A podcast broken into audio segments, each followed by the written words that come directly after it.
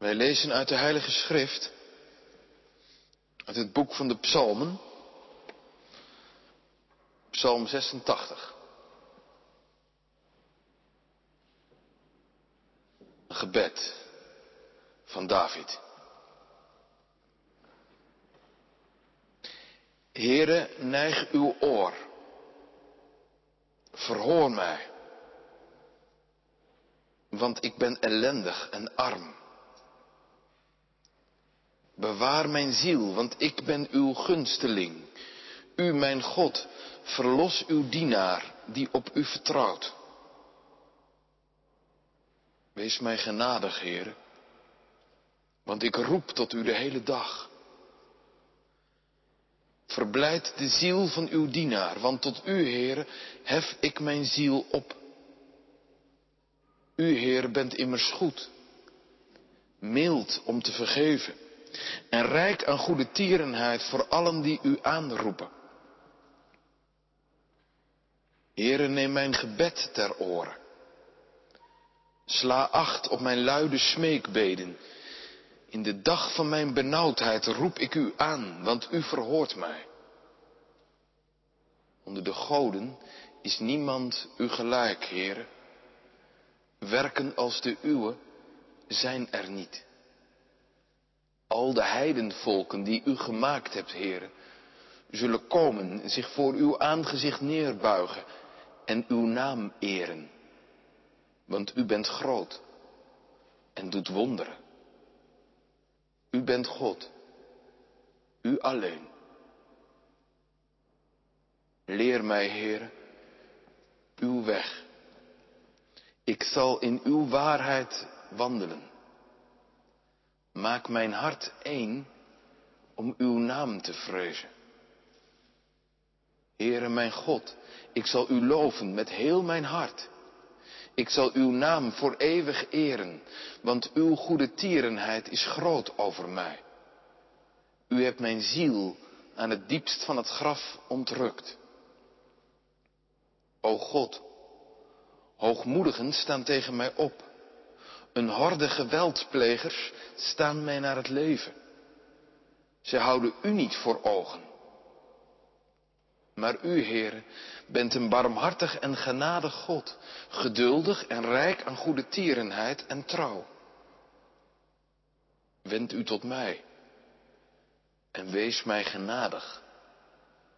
Geef uw dienaar uw kracht. Verlos de zoon van uw dienares. Doe aan mij een teken ten goede, zodat wie mij haten het zien en beschaamd worden, wanneer u, Heere, mij geholpen en getroost hebt. Zalig die het woord van God hoort, bewaart en ook doet. Halleluja. Wij zetten deze middag een streepje onder het laatste gedeelte van vers 11. Maak mijn hart één om uw naam te vrezen. Geroepen gemeente van Jezus Christus. Vind jij bidden ook zo lastig? Ik vaak wel. Ja, een gebed uitspreken. Dat lukt vaak nog wel. Maar bidden. Lastig om stil te worden. En je echt even te concentreren. Soms bekruip je het gevoel, word ik wel gehoord? Of ben ik wat aan, aan het roepen ins blauwe hinein? Of soms heb je de goede taal niet. Ik zou nog wel meer redenen kunnen noemen. Daar valt veel over te zeggen, dat doe ik vanmiddag allemaal niet. Maar wat ik wel zeg is dit. Lees de psalmen. Toen ik net dominee werd, zei een meisje op catechisatie, leert u ook bidden op de domineeschool? Ik zei nee. Maar hoe kunt u het dan? Ja, dat is een goede vraag. Ik heb het ook geleerd van mijn vader en moeder en opa en oma. Omdat ik hen hardop hoorde bidden. En ik dus taal aangereikt kreeg. Zo doe je dat. Natuurlijk gaf dat ook wel eens wat hilarische momenten. Als jongetje van een jaar of vier, vijf speelde ik met mijn vier, vijf jaar oudere broer wel eens kerkje. Op zondagmiddag als mijn vader en moeder een dutje deden. En mijn broer die bad dan voor de mensen die in rouw gedompeld waren. Toch bijzondere taal voor een jongetje van acht. Maar ja, dat neem je over. Zo leer je het ook.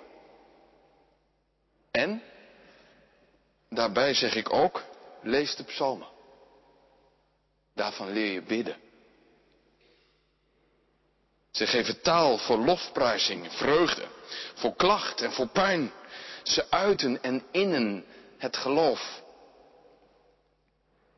Psalm 86 bijvoorbeeld, een gebed vanuit de nood, een klacht tot God, waarin er ook geloofd en geprezen wordt. Het is niet alleen maar donker en duister. Licht en donker wisselen elkaar af. Maar zo is het toch ook in het leven? Het is een psalm die, oneerbiedig gezegd, niet heel origineel is. Veel woorden komen we ook in andere psalmen tegen. Knip- en plakwerk van de Heilige Geest. Ik vind dat eigenlijk wel troostrijk. Bidden is vaak ook leunen op een ander. De woorden van een ander. Twee opmerkingen, wat meer algemeen bij deze psalm. Dat er in dat eerste vers staat, Heere, neig uw oor. Dat vind ik opmerkelijk. Wij zijn soms in een cultuur beland, zeker in de kerk, dan heb ik het even niet zozeer over uh, uh, mensen die buiten de kerk zijn en zich misschien wel afvragen hoe zit dat eigenlijk met bidden. Maar in de kerk, natuurlijk hoort God. Ja, het kan soms een, een, een diepe vraag zijn, is die God er wel? Al laten ook heel veel mensen die vraag nauwelijks toe. Misschien uit angst.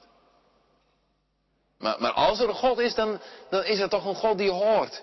Ja, maar zo vanzelfsprekend is dat dan ook weer niet.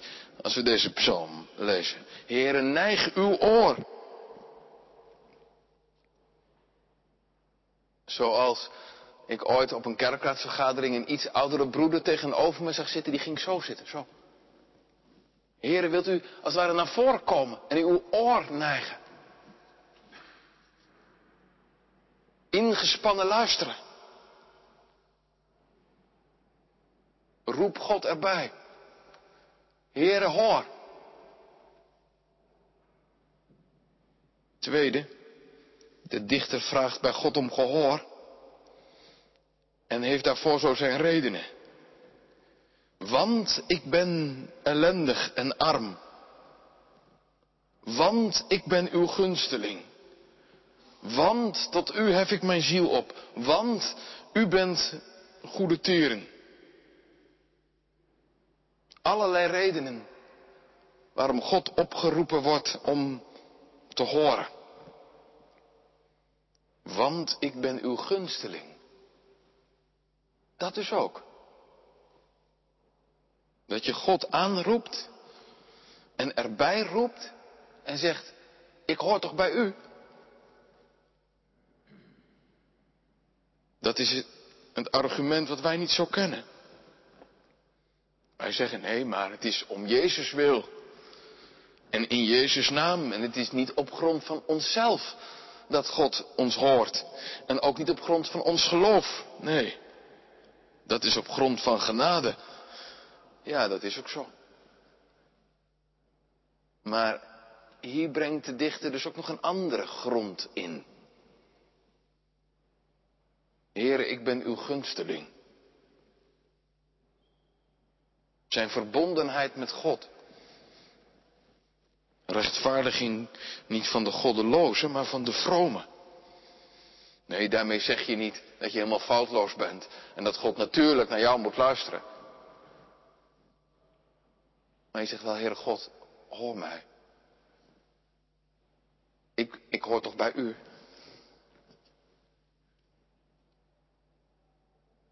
Leer mij, Heere, uw weg. Ik zal in uw waarheid wandelen. Maak mijn hart een om uw naam te vrezen. Leer mij uw weg. Nee, daarmee vraagt David niet om een soort inzicht in het spoor dat God door deze wereld trekt. Hij vraagt om de manier van leven die God van hem vraagt. Hij wil leven op een manier zoals God dat vraagt. Niet zomaar je eigen gang gaan, maar Gods spoor. Niet autonoom, maar theonoom. Niet ik doe wat ik wil, want het is mijn leven. Met misschien achteraf een goddelijke handtekening. Nee, Heere God, leer mij te gaan op een manier die past bij wat u vraagt. En als ik op die manier de weg, de levensweg weet, dan zal ik ook in uw waarheid wandelen. Prachtig, hè? Uw waarheid niet als iets theoretisch, dan zal ik uw waarheid begrijpen. Nee, dan zal ik in uw waarheid wandelen. Gods waarheid is blijkbaar heel praktisch. Weg en waarheid worden hier als synoniemen gebruikt. Dan denk je natuurlijk ook aan Jezus, die de weg en de waarheid is. Waarheid is praktisch. Dan zal ik in uw waarheid wandelen. Dan zal ik zo leven. Wist David de weg dan niet? Ging hij, ja, hij ging wel op die weg van God. Maar is het dan een, een vrome vraag naar de bekende weg? Nee, zo is het niet. Het leven stelt je toch telkens weer voor nieuwe keuzes. En niet overal is toch altijd een antwoord op wat je eigenlijk wel weet. En de Bijbel is toch ook niet zomaar een spoorboekje. En David wil ook groeien. Steeds fijnzinniger worden. Steeds meer afgestemd op de wil van God. Leer mij uw weg. Niet theoretisch, maar om ook zo te leven.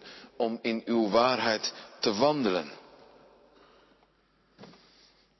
Bij de voorbereiding las ik Iets wat Calvijn, de reformator, schrijft bij dit vers. Indien nu zo uitnemend profeet, zegt Calvijn, die begaafd was met zulke grote gaven van geest, toch zo openhartig zijn onwetendheid erkent. Hoe dwaas zal het dan niet zijn als wij niet gevoelen wat ons ontbreekt?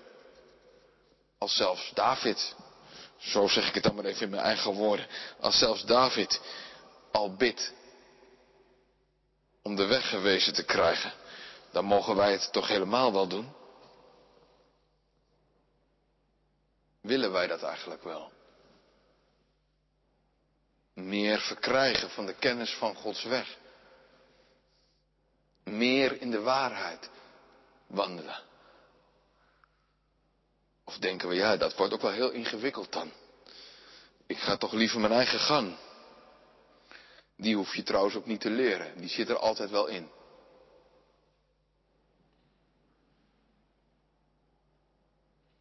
En dan, dan bidt David er nog wat achteraan.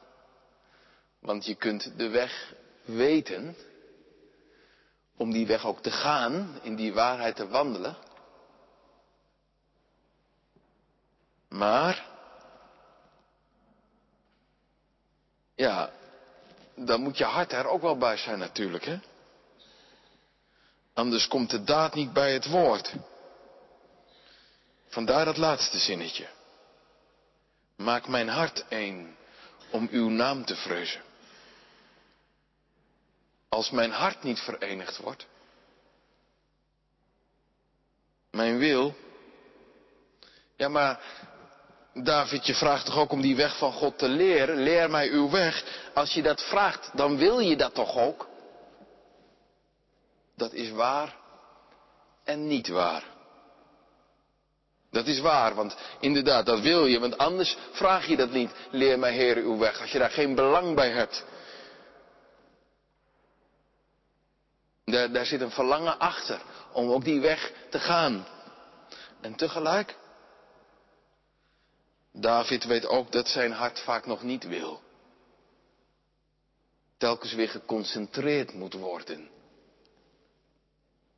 Eenvormig gemaakt. Zijn hart gaat nog zo vaak alle kanten op. Natuurlijk, dat weet u, kent het Hebreeuws een gelaagdheid die soms in het Nederlands nauwelijks te vertalen is. Hart. Ja, waar, denk jij aan bij dat woordje hart? Maak mijn hart één. Je hart. Wat is dat? De dikke vandalen geeft verschillende betekenissen. Zetel van overtuiging, gemoedsstemming, kern, binnenste. Nou, de Bijbel kent ook een beetje van die verschillende betekenislagen. Ik loop ze kort een klein beetje met je door. Met het hart ben je vrolijk, bedroefd, verliefd, wanhopig. De Bijbel spreekt over blijdschap van hart, maar ook over verslagenheid van hart. Dat je er helemaal doorheen zit. Je hart is dus plek van gevoelens en van emoties en aandoeningen. Het hart is ook de plaats van de moed. Zoals het wel eens tegen je gezegd werd, tegen mij althans wel. Als je het lef hebt. Nou ja, daar heb je dat Hebreeuwse woord voor hart. Als je durft, als je moed hebt.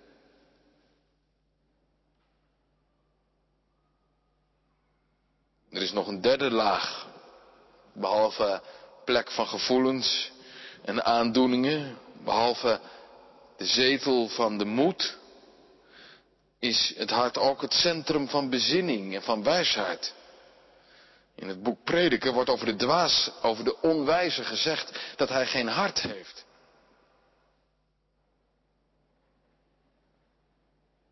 Het hart is de plannenmaker van de mens. Zoals Salomo zegt van zijn vader David, dat het bij hem in het hart was om voor de Heer een huis te bouwen. Plaats van gevoelens, van blijdschap en verdriet. Zetel van moed, centrum van bezinning. En je zou dus ook nog kunnen zeggen, het is het geloofsorgaan. Zoals je met je ogen ziet, zo geloof je met je hart. Dan gaat het om je verlangen, om je drive. Het is de Heer om ons hart te doen. En dan al die lagen van ons hart. Want als de Heer ons hart heeft, dan heeft hij ons helemaal. En als we dan nog weer even terugkijken naar dat zinnetje.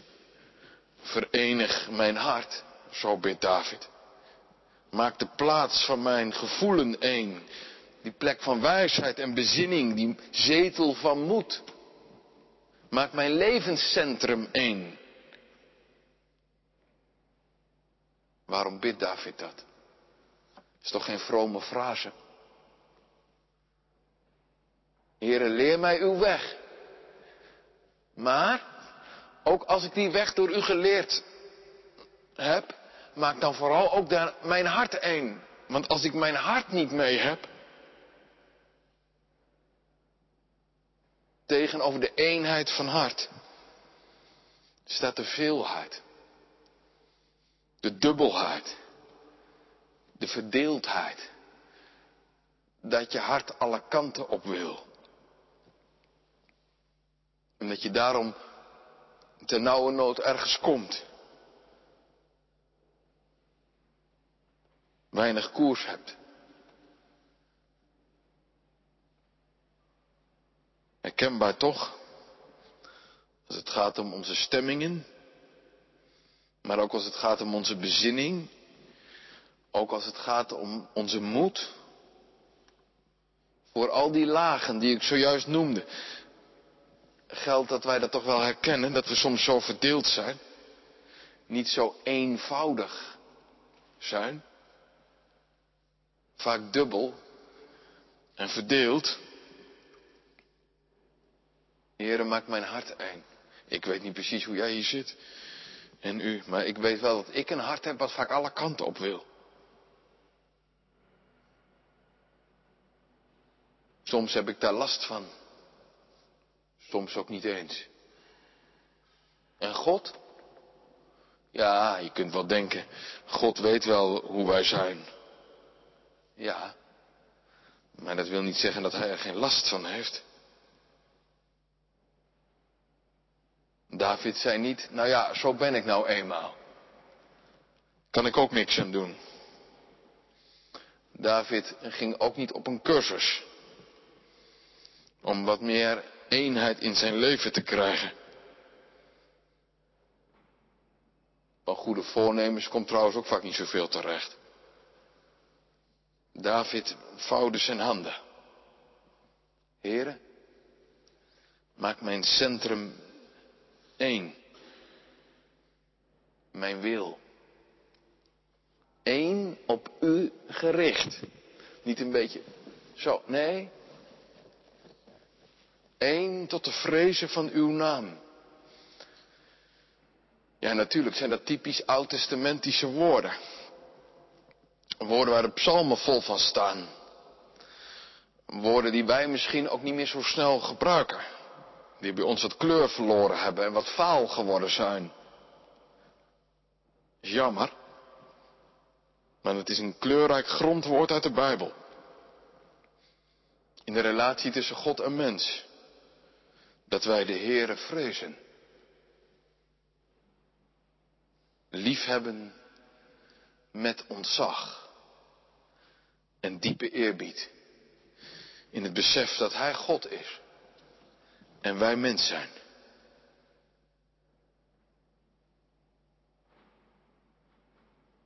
Het vrezen van de Heer. Diep ontzag hebben. Dat uit zich in aanbidding. Lofprijzing. Dat is geen slaafse gehoorzaamheid.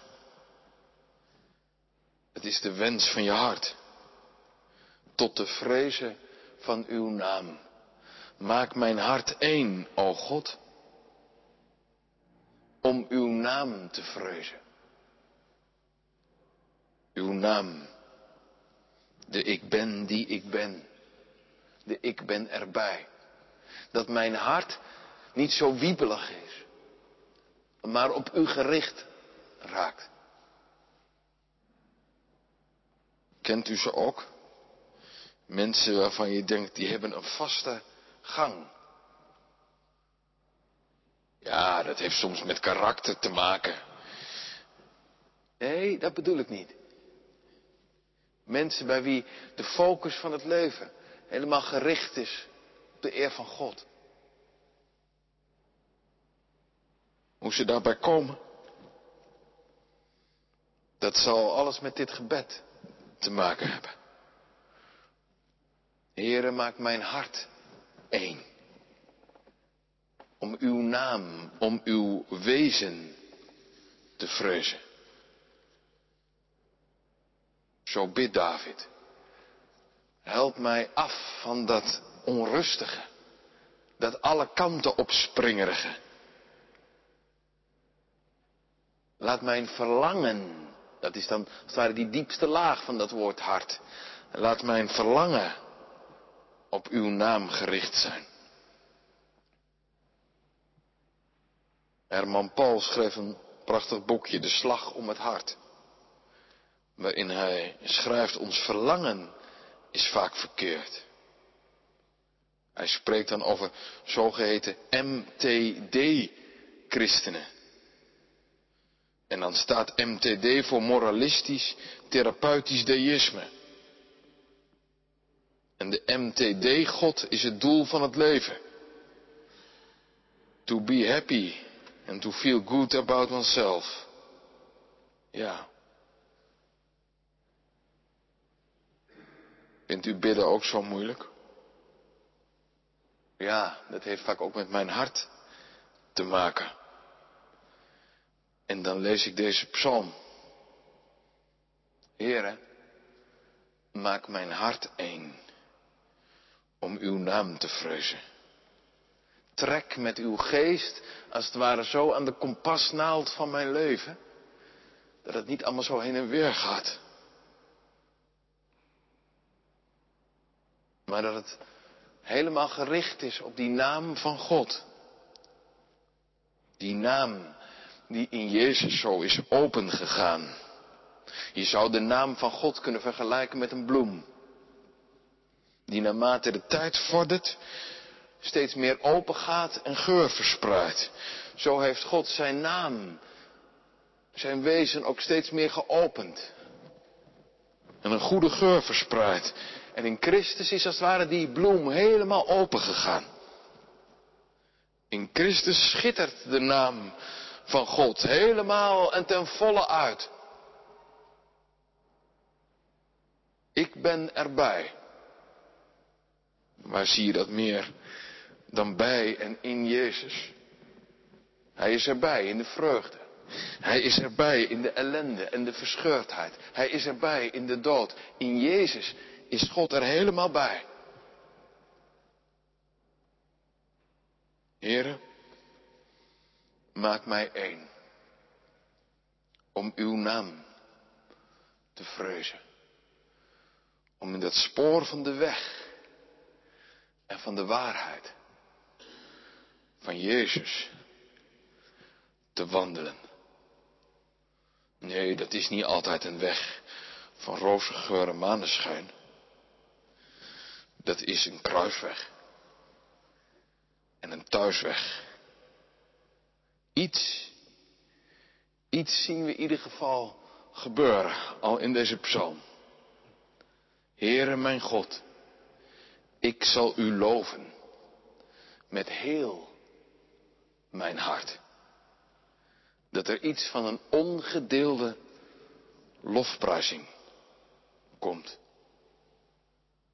Als ik deze psalm lees, dan denk ik, ja, er is veel anders en mijn leven is soms anders en wat zou er precies aan de hand geweest zijn? Soms ingewikkeld om je te identificeren,